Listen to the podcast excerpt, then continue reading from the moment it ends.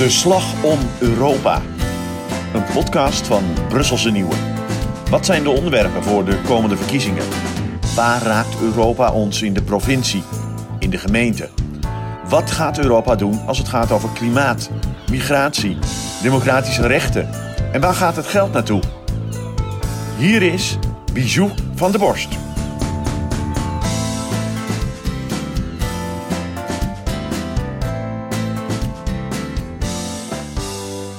Welkom bij de eerste aflevering van onze nieuwe podcastreeks over de Europese verkiezingen en de impact op de provincies. Want deze zomer gaan we weer naar de stembus voor de Europese verkiezingen. Een deel van het beleid wat in Brussel bedacht wordt, gaan de provincies uiteindelijk uitvoeren. En daarom gaan we ons met de provincies voorbereiden op die Europese verkiezingen. Daarom zitten we voor deze eerste aflevering in, uh, in Middelburg, in de admiraliteitszaal van het uh, provinciehuis Zeeland. We hebben nog nooit in zo'n mooie zaal uh, een podcast opgenomen. Hoge plafonds, grote blauwe deuren, heel bijzondere, bijzondere sfeer. En we zitten hier aan tafel met links van mij gedeputeerde Arno Vaal van de BBB. Onder zijn hoede heeft hij landbouw en klimaatadaptatie. En hij is ook akkerbouwer. En aan de andere kant zit uh, Gerben-Jan uh, van D66, lijsttrekker en uh, ervaringsdeskundige eigenlijk. Want tussen 2009 en 2019 zat hij al in het Europees Parlement. Daar zette hij zich vooral in voor het vergroenen van de Europese landbouw.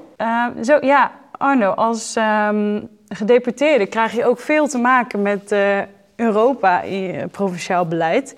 We beginnen gewoon meteen met met wensen in vervulling laten gaan. Wat, wat zou jij vragen als je twee dingen in Europa mocht laten realiseren?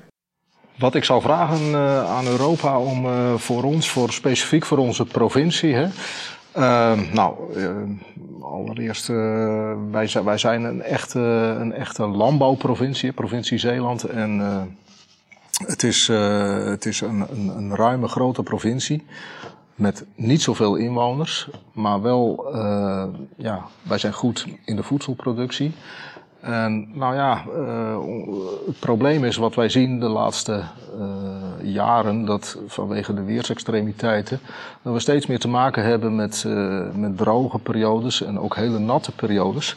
En uh, nou, om daar uh, ook goed mee om te gaan en die voedselproductie uh, op peil te houden. Wat moet Europa dan doen? nou ja, vanuit Europa zijn er natuurlijk toch allerlei ja, stimuleringsmaatregelen om die leefbaarheid terug ook op het platteland op peil te krijgen.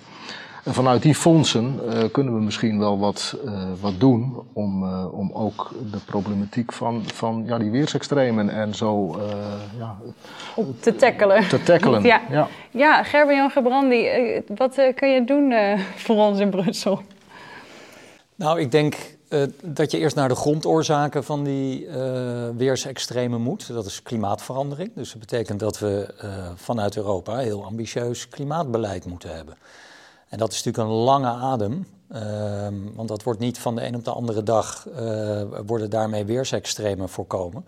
Maar dat is natuurlijk wel de, de oorzaak. Dus daar, daar moet je wel mee beginnen. Dus dat is heel belangrijk, heel uh, ambitieus klimaatbeleid. En gelukkig gebeurt dat ook. Het andere ten aanzien van uh, Europese fondsen. Um, aan de ene kant ja, en daar is Europa gelukkig ook voor. Landbouwbeleid is een heel belangrijk uh, uh, ja, pilaar onder het Europees beleid. Daar gaat ook een heel groot deel van uh, de begroting naartoe. Um, en daar is ook een deel gereserveerd voor ja, extremen, voor rampen, voor nou, de hulp van boeren. Um, ik denk alleen dat dat moet niet de, de, de gangbare manier zijn van politiek bedrijven. Uh, dat, dat, moet in extreme gevallen. Boeren mogen natuurlijk geen kopje ondergaan. En dat is uh, geen grappig bedoelde woordspeling uh, bij extreem weer. Dus steun is absoluut nodig. Maar wat denk ik veel belangrijker is, dat we het geld wat nu vanuit Europa aan landbouw wordt uitgegeven, dat we dat vooral ook gebruiken om de landbouw te verduurzamen. En veel weerbaarder te maken tegen de weersextremen die we zien ontstaan. De gedeputeerde verhaal noemde het al zo net eventjes van... Ja, hier in Zeeland is eigenlijk uh, het effect van klimaatverandering nu al te merken. En doordat we steeds meer met extreme te maken hebben, in de zomer is het heel lang droog. En zoals we dit uh, najaar ook gewend hebben, komen steeds uh, harder en hevige natte periodes. Dan uh, zie je vooral in Zeeland dat door de droogte men spreekt over verzilting. Je hoort eigenlijk in het klimaatdebat nog niet zo vaak het woord verzilting vallen. Arno, kun jij eens uitleggen wat dat, wat dat precies is? Wat gebeurt er hier? Nou ja, verzilting is inderdaad iets uh, wat, wat op de loer ligt, om het zo maar te zeggen. Want uh, in de provincie Zeeland is uh, de, de verzilting nog niet het allergrootste probleem. Maar het is wel iets wat natuurlijk ja, wel, wel goed zou kunnen gebeuren, omdat Zeeland, de provincie, is een eilandenstructuur. En rondom alle eilanden is eigenlijk allemaal zout water. En de laaggelegen polders natuurlijk, uh, die, ja, je kunt je voorstellen dat die, dat zoute water wat om, om ons land heen is, dat het een bepaalde kweldruk van onderuit geeft, waardoor je uh, ja, uh, verzilt, zeg maar. de bodem zouter wordt door de opwaartse druk vanuit die zoute wateren ja. uit onze omgeving. En hoe droger het is, hoe, hoe, meer kans dat zoute water eigenlijk krijgt om in de, in de grond precies, precies. te trekken. Ja. ja. Dus we, maar we hebben, we hebben wel uh, zoetwaterbellen. Hè. Er zit natuurlijk in de bovengrond zitten er best wel, zit wel een zoetwaterlens, zoals we dat dan noemen. Hè. Dat en onze bodem in Zeeland, dat, dat is veelal kleigrond. En ja, dat, dat functioneert ook als een spons, als het ware. Hè. Dus die kan, die, die, kan die, uh, dat water ook vasthouden en, en ook weer ja, uh, eh, vrijgeven, zeg maar. Of de, de planten uh, met de wortels die erin komen, die, die nemen dat zoete water weer op natuurlijk. Ja. En in um, Europa wordt er in Brussel al gesproken over verzilting. Is dat iets wat daar al op de radar staat? Ja hoor, zeker. Want uh, ook al in 2009 werd daarover gesproken toen ik in het Europees Parlement zit. Het is een, een, een goed voorbeeld, uh, denk ik, van uh, de, de verscheidenheid van problemen die ja, voortkomen uit klimaatverandering. Je hoort nog wel eens uh, partijen roepen van, uh, nou, het, het, valt allemaal wel mee, we, verhogen de dijken en de duinen en, en we zijn er vanaf. Nee, dat zilte water, dat komt ook gewoon onder de grond door, uh, onder de dijken door, naar boven. Um, dus dit, dit, is een erkend probleem. En niet alleen in Zeeland, ook in de veenweidegebieden. Um, en je ziet dus ook al langer dat er uh, geld beschikbaar gestel, uh, gesteld wordt om te kijken of je met innovatie bepaalde gewassen kan verbouwen die beter tegen zouter water kunnen. Zoals? Waar moeten we dan aan denken? Nou ja, je hebt, je hebt natuurlijk de bekende, hè, zoals lamzoor en, uh, en zeekraal. Dat zijn echt hele zoute... Lekker ook wel. Dus dat, daar, die hoef je niet te innoveren, want die, die doen het al goed in zoutwater. Maar je hebt, en daar weten gedeputeerden veel meer van dan ik, je hebt natuurlijk uh, aardappelen die ontwikkeld worden, die, die ook een beetje zoutig smaken. Het is eigenlijk best wel lekker ook. Um, en nou ja, daar, daar zal een deel van de toekomst uh, ook wel moeten liggen, want het is wat voor maatregelen je ook allemaal neemt, uh, het is onmogelijk om die verzilting om die echt tegen te gaan. Dus het, het zal gebeuren, dus we zullen ermee moeten leren leven. Ik wilde toch even nog uh, naar Arno Vaal over de maatregelen. Want jullie zijn in Zeeland al best uh, ver met toch ook maatregelen nemen tegen die verzilting, toch? Ja, klopt. Ja, ik, wil, ik wil even reageren op, op het voorgaande over uh,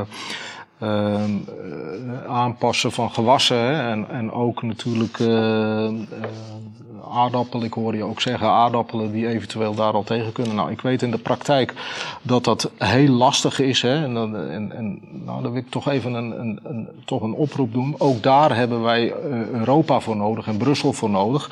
We willen ook rassen kunnen ontwikkelen op een vrij snelle manier die zouttolerant zijn die daar beter tegen bestand zijn. En daar hebben we ook ja, onlangs, uh, ik ben heel blij hè, dat er pas uh, de, de, de nieuwe veredelingstechniek of CRISPR-Cas techniek is, uh, is nu toch wel weer besproken in Europa. En het lijkt erop dat dat toch wel, wel, wel ruimte voor is om, om dat te kunnen gaan doen. in het Europees ja. Parlement heeft vorige week Ja, dus daar ben ik ook erg blij mee. En dat helpt ook naar die ontwikkeling van ja rassen en, en, en, gewassen te, te, te, te, kweken, zeg maar, die echt uh, toleranter zijn, die, die, dit, uh, die tegen die, die zoutere omstandigheden kunnen.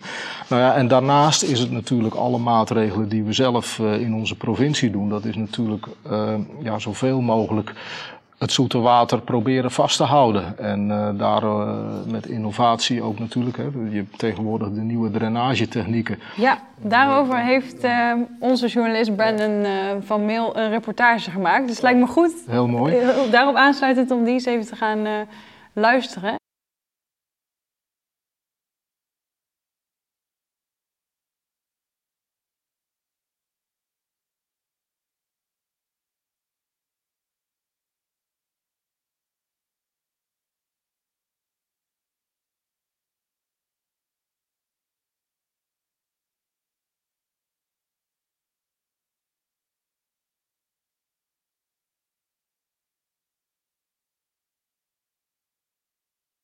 De boerderij van Leonard ten Hartog in het Zeelse Schouwen-Duiveland worden we omringd door water vanuit de Noordzee. Met smeltende poolkappen, een stijgende zeespiegel, kurkdroge zomers ontstaat er een tekort aan zoet water en een overschot aan zoutwater, oftewel verzilting. Hierdoor nemen de zorgen alleen maar toe.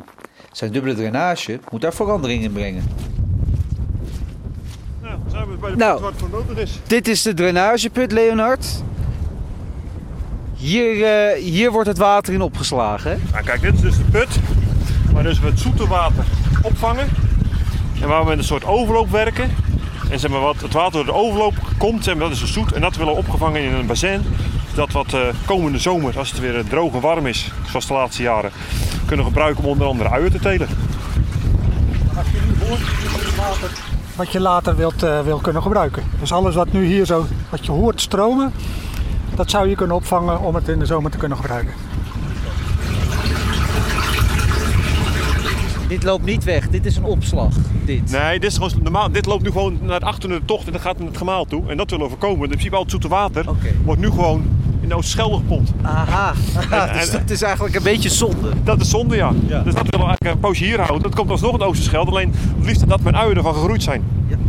Nee, wat het grappig is, je stelde net de vraag van, uh, heeft die drainage hier wat opgeleverd? Nou, voorlopig nog niet. Alles loopt ja, alles loopt dus gaat gewoon weg. naar het gemaal. Ja. En Leonard zit het met ledogen gebeuren. Ja, ja. Maar wel in de wetenschap dat er dus wat uh, te, te, winnen vangen, te vangen valt. Ja, ja. De tweede stem die te horen is, is die van Vincent Klap. Beleidsmedewerker zoetwater bij de provincie Zeeland. Hij is razend enthousiast over deze dubbele drainage. Maar wat is het verschil tussen een enkele en een dubbele drainage? Een dubbele drainage kan veel nauwkeuriger het zoete water opslaan en het zoute water scheiden om het vervolgens af te laten voeren. Die dubbele drainages, dat zijn testen. Uh, wat moeten die testen gaan verwezenlijken? Nou, die moeten duidelijk maken of je op, op zo'n manier zoetwater kunt vergaren, oogsten, zodat je daar in de zomer gebruik van kan maken. En het, uh, het is de gemeente uh, Schouwen-Duiveland die de eer verdient dat ze hier echt, echt aan, aan trekken. Zij beseffen hoe lastig de situatie hier in Schouwen is, omdat er nou helemaal geen, geen zoet water in de nabijheid is, hè, geen meren of, of rivier. Dus ja, die hebben gezegd, dan moeten we maar kijken wat er te oogsten valt van de regen die in de winter overvloedig is.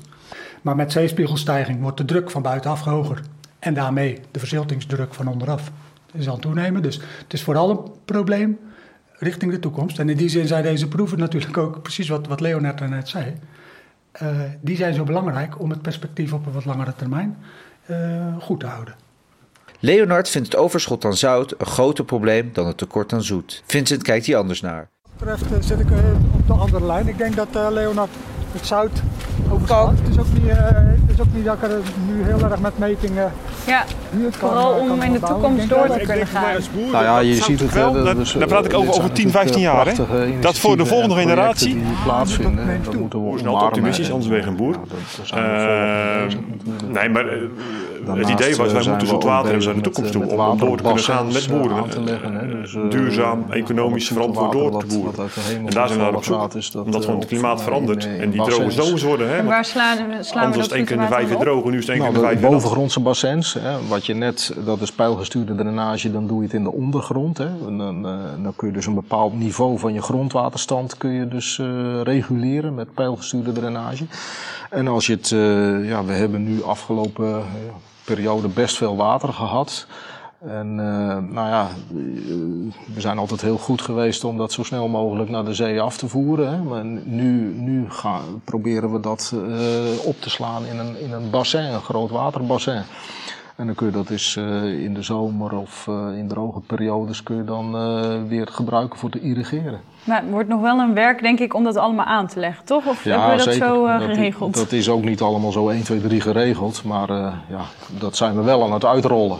Ja, gaat dat de oplossing zijn voor de landbouw om toch door te kunnen gaan in deze verzilte grond? Nou, ik denk dat het heel belangrijk is dat we daar de komende jaren wel mee aan de slag gaan met dat soort dingen. We moeten natuurlijk ook ons realiseren dat de, de, de manier van, uh, uh, van boeren ook zal gaan veranderen. Want um, nou, de afgelopen maanden is het heel nat geweest, maar uh, een jaar geleden hebben we natuurlijk een kurkdroog jaar gehad, waar er ook nog eens een keer heel weinig water uit de grote rivieren werd, werd aangevoerd. Um, Duitsland heeft nu plannen om ook meer water te gaan opslaan, om in, in droge tijden te kunnen gebruiken.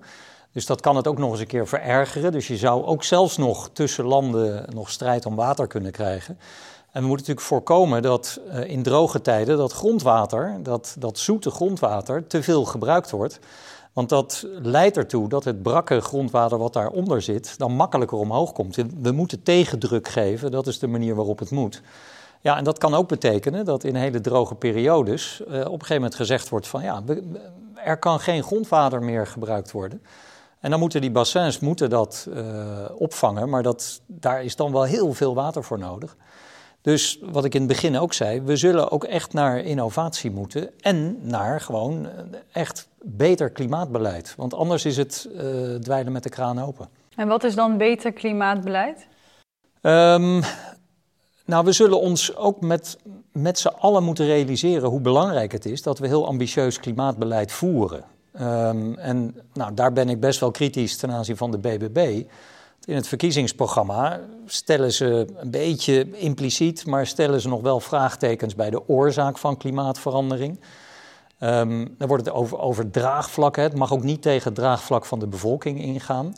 Dat klinkt aardig, maar dat draagvlak kan je natuurlijk als politiek zelf creëren. En als wij echt aan dit soort dingen iets willen doen, dan moeten we de bevolking ook overtuigen van het feit van er is inderdaad een gigantisch klimaatprobleem, dat is door de mens, mens gecreëerd. Er is maar één manier om dat op te lossen op de lange termijn. En dat is door veel minder broeikasgassen uit te stoten. En dat zullen we met elkaar dus gewoon heel ambitieus moeten aanpakken.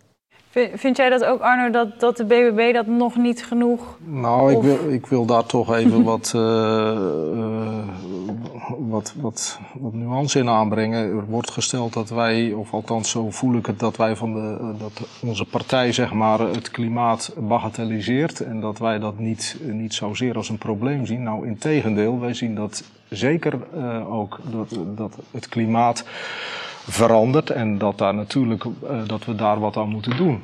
En, uh, maar wat we, wat we wel heel belangrijk vinden is om, om, om dat gezamenlijk met z'n allen te doen. Hè. Dus niet alleen uh, de landbouw is daar ook verantwoordelijk voor. Maar de hele samenleving is daar ook verantwoordelijk voor. En we zullen elkaar moeten helpen en ondersteunen om dat te doen. En ja, ik ben ervan overtuigd in de landbouw. kijk,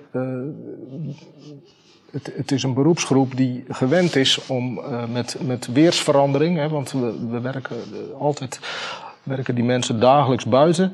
Die zijn het gewend om uh, altijd in te spelen op veranderingen van het weer en, en, en hoe ze daarmee om moeten gaan. En dat is altijd heel goed gelukt. En met behulp van innovatie, dat is wat, wat, wat wij heel erg aanjagen. Met behulp van innovatie kunnen we daar nog meer stappen in zetten. En uh, nou, dat, dat vinden wij gewoon ontzettend belangrijk. En kan Europa ook helpen bij die, uh, die innovatie te stimuleren? Wat, wat, zou, wat zou Europa kunnen, heeft Europa te bieden? Nou ja, Europa. Ik, Fondsen ik, hoorde ik net al. Ja, nou zeker. Ik, ik, ik ben nu nog niet zo heel lang hier, mag ik als gedeputeerde in deze mooie provincie uh, aan het werk gaan. En ik sta eigenlijk verbaasd over alle uh, toch, toch potjes en uh, subsidiepotjes en ook geld, ook wat er vanuit Europa komt. Dus ik, ik ben er best wel tevreden over.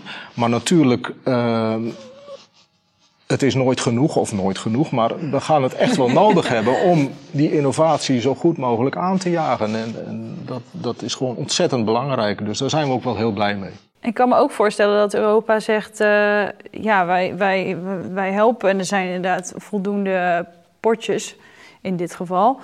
Maar um, uh, Nederland uh, haalt nog steeds de stikstofdoelen niet. En nu komen er ook weer berichten over dat Nederland uh, de KRW-doelen niet, niet gaat halen. Um, mag Europa daar dan ook iets tegenover stellen? Als ze geld geven in potjes, mag Europa dan ook zeggen... maar dan wil ik wel dat jullie in de provincie al deze doelen gaan halen? Nou, vooropgesteld, volgens mij is het zo dat uh, tuurlijk uh, Europa heeft, uh, heeft gezegd we moeten iets doen aan de natuurherstel. Nederland heeft dat geïnterpreteerd met een eigen normering voor stikstof. En die heeft, die, die heb, de Nederlandse overheid heeft die op, op een, nou eigenlijk vind het persoonlijk op een onhaalbare norm gezet. Het is het bekende vogelpoepje misschien wel alles meer van gehoord. Hè? Dat het, één vogelpoepje eh, ben je eigenlijk al aan de norm. Dat is gewoon niet werkbaar. Maar ik zou zeggen, laten we nu niet zoveel over de normen praten. We zijn er allemaal van overtuigd dat we iets moeten doen om de stikstofemissie te reduceren. En ook uh, op het gebied van uh, water. Hè. We, zien ook wel dat we daar ook stappen in moeten zetten. Nou, laten we dan gewoon iedere stap, stap voor stap zetten. En laten we ons niet te veel uh, leiden door allerlei normen die we heel kritisch neerzetten. Natuurlijk moet je een, iets hebben om naartoe te werken. Maar laten we ook gewoon beginnen. Ja, wel dus, wel, ja. Hoe, uh, hoe kijkt u daar naartoe, Gerben? Nou, ik, ja, ik, D66 staat daar natuurlijk veel kritischer uh, in. Ik heb wel het idee um, dat jullie willen dat de, de kaderrichtlijn waternormen en de Natura 2000 normen gehaald worden. Nou ja, weet je, het is heel simpel. Dat zijn gewoon wettelijke normen. We hebben, we hebben en dat is net als dat je wetgeving hebt dat je uh, geen bank mag overvallen of noem allemaal maar op. We hebben gewoon allemaal wetten in Nederland. En dan maakt het eigenlijk niet uit of die nou uit de gemeente komen, de provincie, het Rijk of uit Europa. We hebben gewoon vier bestuurslagen in Nederland waar Europa er één van is. En daar komen allemaal wetten vandaan. En daar zal uh, men zich aan moeten houden. Dat geldt voor een burger en dat geldt ook voor uh, overheden, op welk niveau dan ook. Dus natuurlijk moet Nederland voldoen aan de wettelijke regels die uh, wij samen met de rest van Europa hebben vastgesteld. En dat is ten aanzien van, uh, van stikstof, uh, dat is ten aanzien van natuur, van de kaderrichtlijn water, noem allemaal maar op. Maar ook pesticiden en andere dingen. Dus ja, daar zullen we aan moeten voldoen.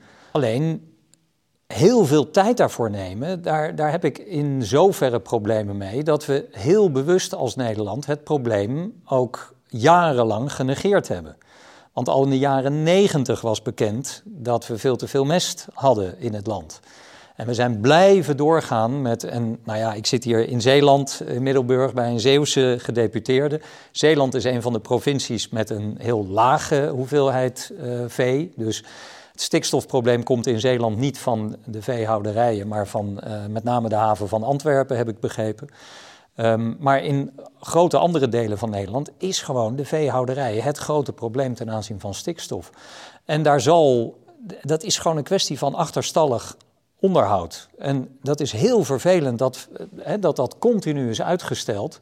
Maar zachte heelmeesters maken stinkende wonden. En dat zien we hier ook. Dus hier zal echt gewoon heel ambitieus wat aan gedaan moeten worden. Ook omdat we, ja, ook omdat we uh, het recht niet achter ons hebben. En er zijn gewoon wettelijke bepalingen. En als Nederland niet met een veel geloofwaardiger plan komt om de stikstofuitstoot versneld te verlagen ja, dan krijgen we allemaal rechtszaken. Dat zal ook een nieuw kabinet uh, mee geconfronteerd worden. En dan zullen ze weer door de rechter gedwongen worden om meer te doen. Ik heb ook net verteld hè, dat we zelf die wet hier in Nederland gemaakt hebben. Maar vanuit Europa is er een heel andere uh, regel. Die heeft niet die, die strenge stikstofnorm. Die hebben wij onszelf opgelegd. En wij zitten nu te concentreren en te focussen op stikstof. We gaan niet opnieuw de, de stikstofdiscussie uh, voeren. Want ja, het is zeker een relevante discussie, maar uh, het thema is uh, klimaat en verzilting van deze podcast. En ik kan me wel voorstellen dat we hebben het nu over uh, de Europese normen en we moeten ons aan de Europese regels gaan houden. Maar op dit moment waait er een relatief rechtse wind in, in Europa. Eh, we hebben de verkiezingsuitslag in Nederland gezien. We hebben de verkiezingsuitslag eerder in Italië gezien. In Duitsland is er nu ook protest vanuit de boeren. Um, Arno, haal jij daar... Uh, het zou best wel kunnen dat, dat het Europees Parlement straks recht, rechtser is dan dat het nu is. Haal je daar hoop uit dat dan die normen misschien iets minder streng gaan worden?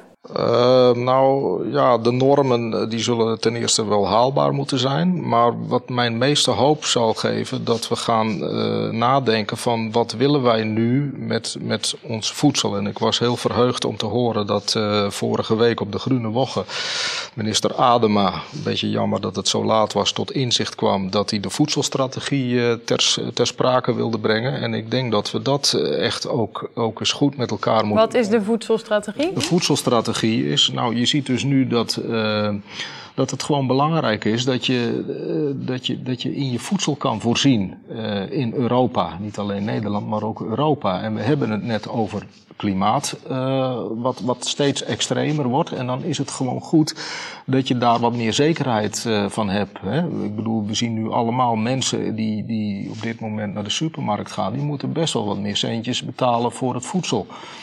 Het is niet meer zo vanzelfsprekend dat het er allemaal is. We hebben nu uh, pas, uh, nou, ik, even vanuit mijn eigen achtergrond, uh, er zijn er nog best wel veel aardappels hier die in Zeeland door de natte omstandigheden niet uit de grond gekomen zijn.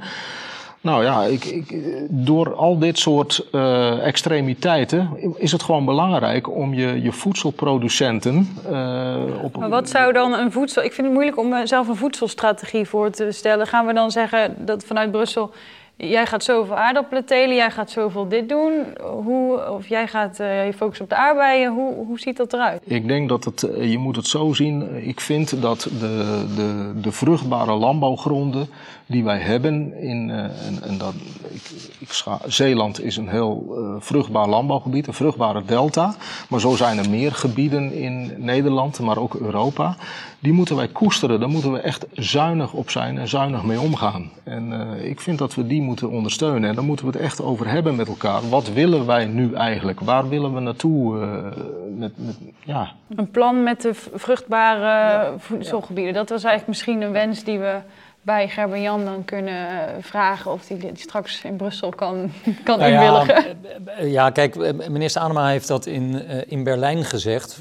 En, en daar zat eigenlijk achter van omdat Nederland heel veel voedsel produceert, zou Nederland wat minder strenge natuurwetgeving moeten krijgen vanuit Brussel. dat, dat is dan een beetje de trade-off tussen wij voedsel en dan doen anderen maar natuur. Ja, daar ben ik het radicaal mee oneens.